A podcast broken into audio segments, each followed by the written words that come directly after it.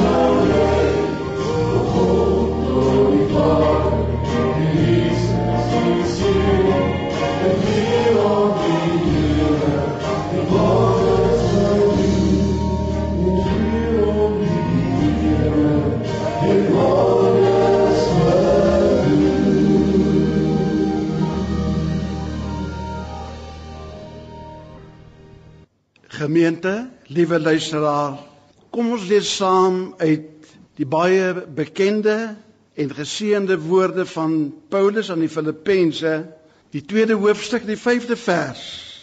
Want hierdie gesindheid moet ook in julle wees wat in Christus Jesus was. Hy wat in die gestalte van God was, het dit geen roof geag om aan God gelyk te wees nie, maar het homself ontledig deur die gestalte van 'n dienskneg aan te neem en aan die mense gelyk te word. En in gedaante gevind as 'n mens het hy homself verneder deur gehoorsaam te word tot die dood toe. Ja, die dood van die kruis. Daarom het God hom ook uitermate verhoog en hom 'n naam gegee wat bo elke naam is sodat in die naam van Jesus sou buig elke knie van die wat in die hemel en die wat onder die aarde is. En dan in aansluiting hierby die 12de vers van Kolossense 3 waar hy verder gaan en sê beklee julle dan as uitverkorenes van God heiliges en geliefdes met innerlike ontferming goedertierenheid nederigheid sagmoedigheid en lankmoedigheid as tema praat ek graag ver oggend met ons oor een van hierdie baie kosbare woorde in ons teks naamlik die uh, belangrike woord nederigheid. En ek noem graag hierdie boodskap nederigheid die geheim van 'n lang en suksesvolle gelukkige lewe. Praat met ons oor 'n saak wat baie noodsaaklik geword het in ons samelewing. Dit is 'n behoefte by elke werksplek Ons kry dit nodig agter die motor se stuurwiel. Huisgesinne kan nie sonder dit klaarkom nie. Huwelike daarsonder is gedoem. Kerke en organisasies kan nie sonder dit bestaan nie. Sonder nederigheid stuur samelewings en beskawings op 'n rampspoedige einde af. En loop 'n mens die gevaar dat jou hele godsdienstbelewenis in een groot klug kan verander. Dit alles word vervat in een eenvoudige woordjie in die Woordeboek, maar ook in verskillende tekste in die Bybel, naamlik die woordjie nederigheid. In die Woordeboek verbind die skrywers van die Woordeboek hierdie woord met verskillende konsepte soos om beskeie te wees, eerbaar, sedig, kuis, fatsoenlik, eerbaar, gering en ootmoedige optrede. Andrew Murray het nederigheid genoem die skoonheid van 'n heilige lewe. Ralph Weersockman het daarna verwys as intelligente selfrespek wat ons egosentriese menslike natuur in toom en in balans kan hou. Maar in 'n humanistiese, sekularistiese, permissiewe samelewing voel dit soms en lyk dit soms asof hierdie mooi woord nederigheid uit die mode uitgeraak het. Kontemporêre tendense is nie verbruikersvriendelik vir mense wat nederigheid nastrewe nie. 'n Sekere persoon wat ek self baie goed geken het jare gelede, het 'n promosie by sy werk gekry. En toe een van sy kollegas wat baie jare saam met hom by dieselfde plek gewerk het, om die volgende môre groet. Toe sê hy vir hom, jy moenie meer vir my sê Piet nie. Jy moet nou vir my sê meneer, want ek is nou baie belangrik. Twee predikante het met mekaar gesels oor die diens in hulle verskeie onderskeie gemeentes. Een sê toe vir die ander een, ons het 'n fantastiese diens gehad. En sy vriend vra ewe belangstelling, wie was die spesiale prediker? En ewe verbaas sê die ander een vir hom, natuurlik was dit ek wat gepreek het. Wie dink jy anders sou dit so kon doen soos ek? Jy sien liewe luisteraar gemeente, dit gaan baie maal in die lewe om ek myself en die uwe. Ek so belangrik. Ek so onvervangbaar. Ek so talentvol. Ek die middelpunt waarom alles draai. En dan weet ons van die hartseer verhaal wat vertel word in Lukas 12 vers 13 tot 21 in die Bybel oor die ryk dwaase man wat gedurig gepraat het van my oes, my skure, my opbrengste, my goed. Ek sal dit en ek sal dat doen, ek, my en myself. In 'n paar kort versies van hierdie roemryke hoofstuk in Lukas is daar nie minder as 8 of 9 keer verwysing na my en na ek. En daarom word hierdie man ook deur die geskiedenis as 'n dwaas onthou. Maar die grootste probleem is juis ek en as ek kan regkom. En dit is die goeie nuus van die evangelie dat die Here harte kan verander, dat hulle nederig kan word. En as ek regkom, dan kom die wêreld reg. Ons ken die verhaal van die vrou wat inkopies gaan doen het en haar 5-jarige kleuter in die sorg van haar eggenote by die huis gelaat het. En toe die knaapie baie woelig raak het, die vader 'n oplossing gesoek om hom besig te hou en hy het op 'n legkaart afgekom. Aan die een kant van die legkaart was die wêreld geskets en aan die ander kant was daar 'n prentjie van 'n man.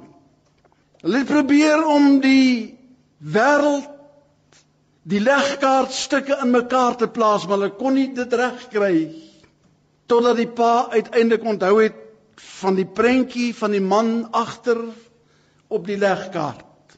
En hy en aarde genoeg toe hulle die man reg kry, toe kom die wêreld ook reg. Daar is talle voorbeelde in die Bybel van nederigheid, pragtige voorbeelde. Voorbeelde wat 'n mens wil en moet nastreef. Natuurlik die pragtige wyse wat Filippense vertel van hoe Jesus die seun van God gekom uit sy hemelse status om self die gestalte van 'n dienskneg aan te neem. Waar wil 'n mens mooier en groter nederigheid as dit kom kry? In 2 Konings 7 kry ons vir koning Dawid nadat die Here met hom gepraat het Hoe dit hy hierdie roemryke woorde uiter en sê wie is ek en wat is my huis dat die Here hierdie groot saak aan my toe vertrou het. sien dit was die verskil tussen Dawid en baie van sy medegangers. Dawid het besef hoe afhanklik hy van God is. Ons vind 'n pragtige voorbeeld van nederigheid by die koning van Ninive dat toe die boodskap van die Here van bekering by die stad Ninive kom, toe roep die koning die hele stad tot stilstand en gee bevel dat almal nederig en ootmoedig voor die Here op hulle knieë moet gaan om sy aangesig te soek. Ons hoor vir Johannes die Doper, die grootste wat ooit uit vroue gebore was, 'n magtige prediker by wie skares aangesluit het onder sy prediking. Wanneer hy praat, dan praat hy nie van ek die groot Johannes die Doper nie, maar hy sê hy moet meer word en ek moet minder word. Daar is die lam van God. Sy fokus is nie op sy bekwaamhede nie, sy fokus is op die grootheid van die een wat hom geroep en gestuur het. Ons weet ook dat die wonderlike Paulus nooit in homself ooit geroem het nie. Dikwels die gemeente en sy gehoor daaraan herinner het dat hy maar net 'n nederige dienskneg is om hulle ontwil. En dat as hy sou roem, sy roemtaal alleen gevind kon word in Jesus die verlosser en sy genade aan die kruis. Het jy geweet dat as iemand regtig suksesvol is en regtig akademies is en regtig gelukkig is, dan kan die geheim daarvan gevind word 'n nederige afhanklikheid van God. Ek ken sulke mense op my akademiese pad. Een van my beroemde professors sit vanmôre hier. Maar as ons hom nie aankondig as professor sal hy nooit vir mense dit eers sê nie want sy grootheid in my hart lê daarin dat hy juis my altyd daarin herinner hoe min 'n mens regtig weet 'n ware akademikus en 'n ware suksesvolle man en vrou weet hoe afhanklik hy van God is. Gelukkig is die mens wat weet hoe afhanklik hy of sy van God is. Maar daar is ook ongelukkige voorbeelde in die Bybel van egoïstiese mense. Ons dink aan iemand soos Atalia in 2 Konings 11 wat haarself as koning en heerser wou aanstel totdat sy met 'n skok moes verneem hoogmoed kom voor die val en dat God reeds 'n 7-jarige tydperk laat voorafgaan het om 'n nuwe koning vir die troon van Israel in die vorm by name van Josia in haar plek aan te stel. Ons ken ook die verhaal in die boek Ester van Haman en Mordegai en hoe dat Mordegai gedurig deur die teiken was van Haman se egoïsme en sy jaloesie en hoe Haman vir hom 'n galg gebou het totdat daar 'n môre aangebreek het. Want jy sien God se woord sê hy weerstaan die hoogmoediges, maar aan die nederiges gee hy genade. Wat die koning gesê het, bring die kroniekboeke dat ons eer aan Mordegai kan bewys. En uiteindelik moes Haman aan die galg hang wat hy vir Mordegai laat bou het. Dis so jammer dat daar sulke gevalle was ook in 1 Konings 19. Die magtige profeet Elia, kosbaar in al sy weë, kom op 'n oomblik van sy bediening op 'n punt wat hy vir die Here sê, Here, ek is die enigste een wat oorgebly het wat my knie nie voor Baal gebuig het. Maar die Here om nederig daaraan herinner, Elia, ek dink jou sommetjies is verkeerd. Daar is nog 7000 ander wat my naam vrees en wat hulle knie nie voor Baal gebuig het nie. Mag dit ons vanmôre baie baie nederig maak as ons daaraan dink. Lukas 18 vers 9 tot 14 vertel van die fariseer en die tollenaar wat albei by die tempel gekom het. Die een het geroem: "O God, ek dank U dat ek so goeie mens is. Ek dank U, Here, Ek doen dit en ek doen dat en ek het hierdie en ek het daardie pragtige eienskap. Maar die arme tollenaar het net op sy bors geslaan en nederigheid opgekyk en gesê: "Wees my genadig, o Here." Jesus vra vir hulle daar: "Uh wie van hulle het sy aandag die meeste getrek?" Natuurlik die man wat nederig was. Die bekende skrywer se Winski het geskryf Nederigheid moenie verward word met swakheid en sagmoedigheid met lafhartigheid nie, want dit is juis die kenmerke van groot geestelike krag wanneer iemand nederig en sagmoedig is. Jesaja 66 vers 2 sê op hierdie een sal ek let hy wat bewe vir my woord en wat verslaas van gees. Liewe luisteraar, Liewe gemeente, nederigheid is dus die poort na die guns van God. Spreuke 15 vers 33 verklaar onomwonde nederigheid gaan die eer vooruit.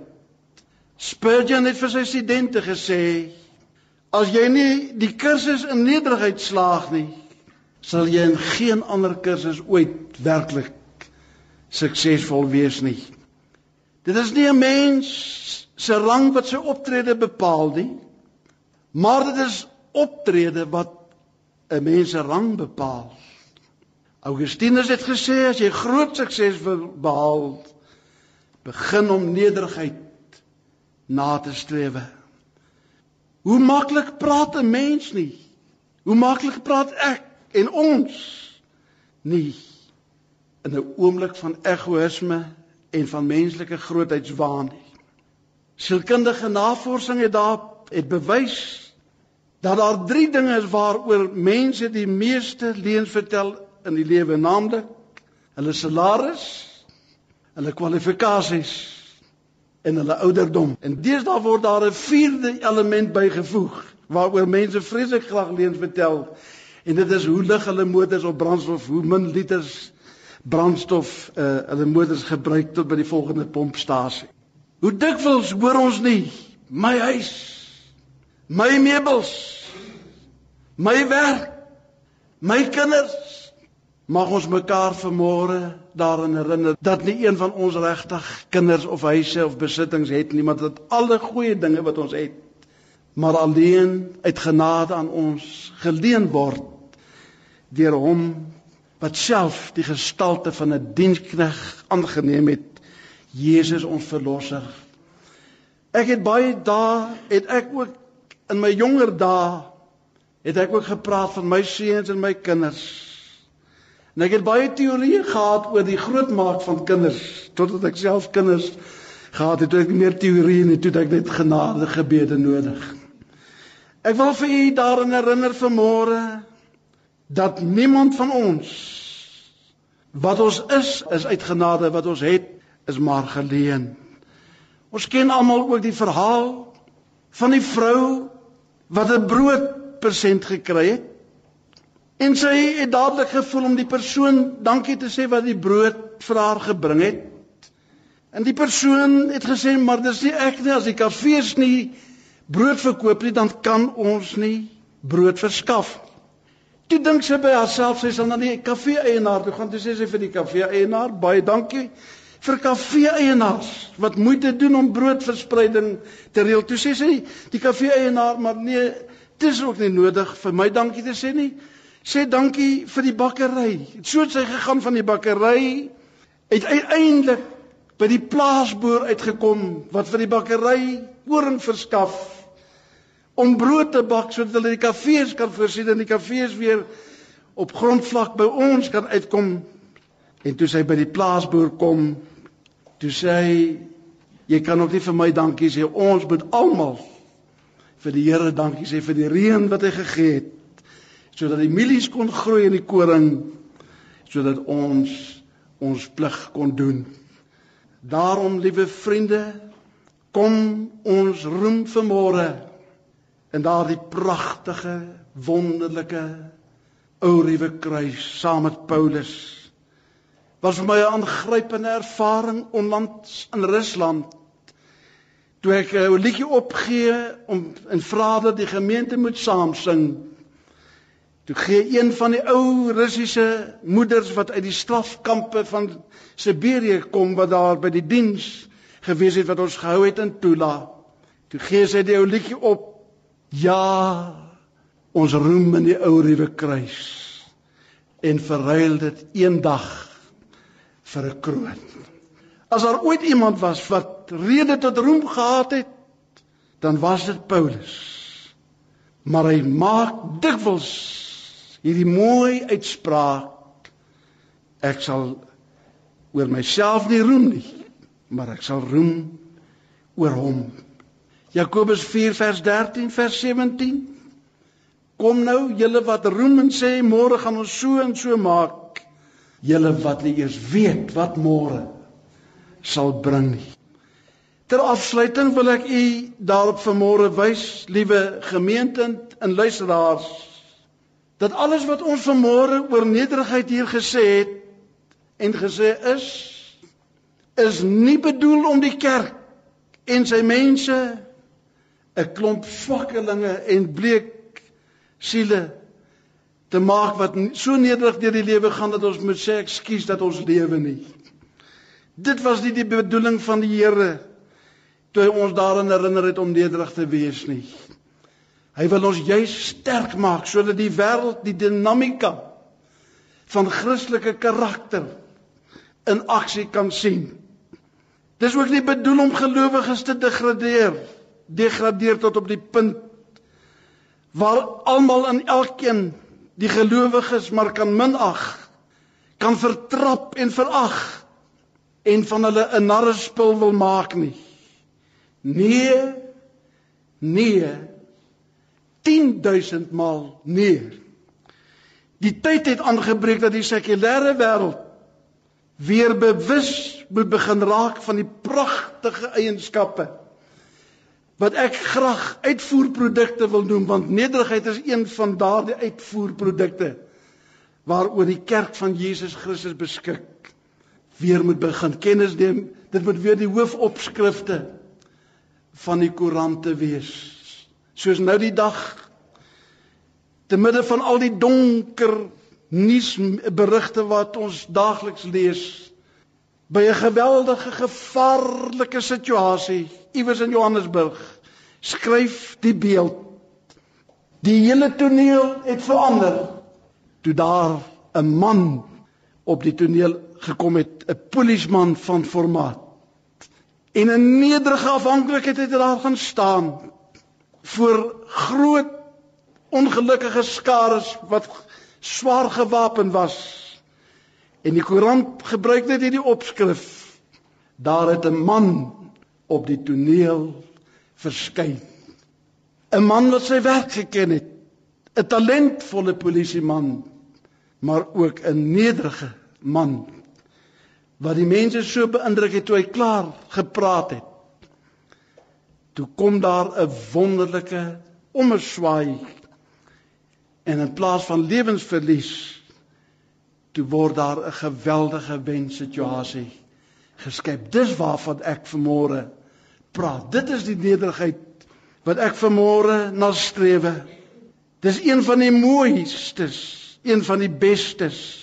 Die tyd het verder aangebreek dat die wanpersepsies wat die media van die kerk skep en die ongelowiges van die Christendom het vervang moet word deur die gesindheid die voorbeeld en die ware krag van die evangelie. Die ware dinamika van die evangelie wat ons spreek lê juis vanmôre latent verborge in die ontdekking van een van die magtigste woorde in ons woordeboek wat 'n plek verdien saam met die ander groot woorde soos genade liefde, geloof, vergifnis, geregtigheid, lankmoedigheid, selfbeheersing, vriendelikheid. Maar hy verdien 'n ereplek en sy naam is nederigheid. Lank lewe die kerk en lank lewe die mens wat weet hoe afhanklik hy van God is. Lank lewe die volk wat weet dat die Here hulle hulp, hulle rots en hulle bergvesting is. Nederige mense besef dat hulle elke tree en elke uur van sy genade en sy liefde afhanklik is. Mag die Here ons daartoe lei. Mag die Here ons daarmee seën en mag u en ek in ons nageslagte geseën word dat ons hierdie ge, pragtige formule van sukses nooit sal vergeet nie. Vergeet my siel dan nooit die Here want nooit vergeet die Here my. Kom ons wees nederig want nederigheid trek die aandag van God en nederigheid maak die poorte na die hart van die Here oop. Daarom is daar nie 'n mooier gesig in die hemel as iemand wat in nederigheid voor die Here neerkniel en sê Here, U wat die gestalte van 'n dienskneg aangeneem het, U wat dit geen roof geag het om 'n mens te word in die hemel te verlaat. Hier is ek. Vat my hand en lei my op die groot pad van die lewe. God seën sy woord in ons harte en mag elkeen van ons 'n lang, gelukkige, suksesvolle lewe hê as hulle van ons praat dat hulle sal sê die geheim van daardie man en van daardie plek en van daardie mens, van daardie persoon, van daardie organisasie is hulle nederige afhanklikheid van God. Hoe belangrik is dit om vermore dit in ons lewens te bekom. God help ons daartoe. Amen. Ons gaan nou lied nommer 2 saam sing en kom ons verheerlik die naam van die Here. Heerlik met ons samesang uit lied nommer 2 gemeente kom ons sing saam.